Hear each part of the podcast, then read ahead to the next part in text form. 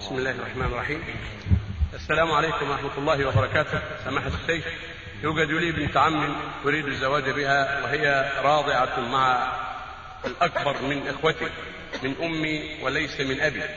علما بأن الحليب لرجل قبل أبي كانت أمي مطلقة منه وأمي لا تعرف كم رضعة أرضعة ثلاث سنتين أم أكثر فما أدري رأي سماحتكم في ذلك بسم الله الرحمن الرحيم. الحمد لله وصلى الله وسلم على رسول الله وعلى آله وأصحابه من اهتدى بهدى أما بعد فالرضاع الذي يحصل به التحريم لا بد أن يكون خمس رضعات أو أكثر في الحولين.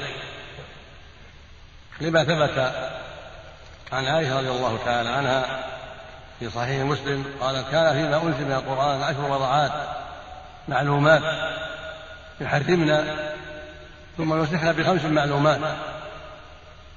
فتوفي النبي صلى الله عليه وسلم وهي فيما يقرأ من القرآن وفي رواية الترمذي والأمر على ذلك.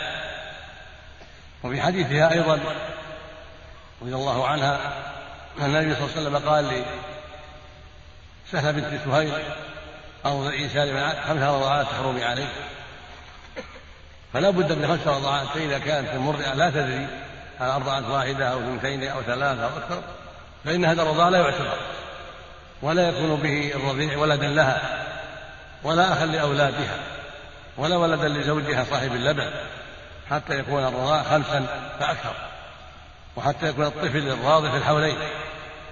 لقوله عليه الصلاة والسلام لا رضاع إلا في الحولين. نعم.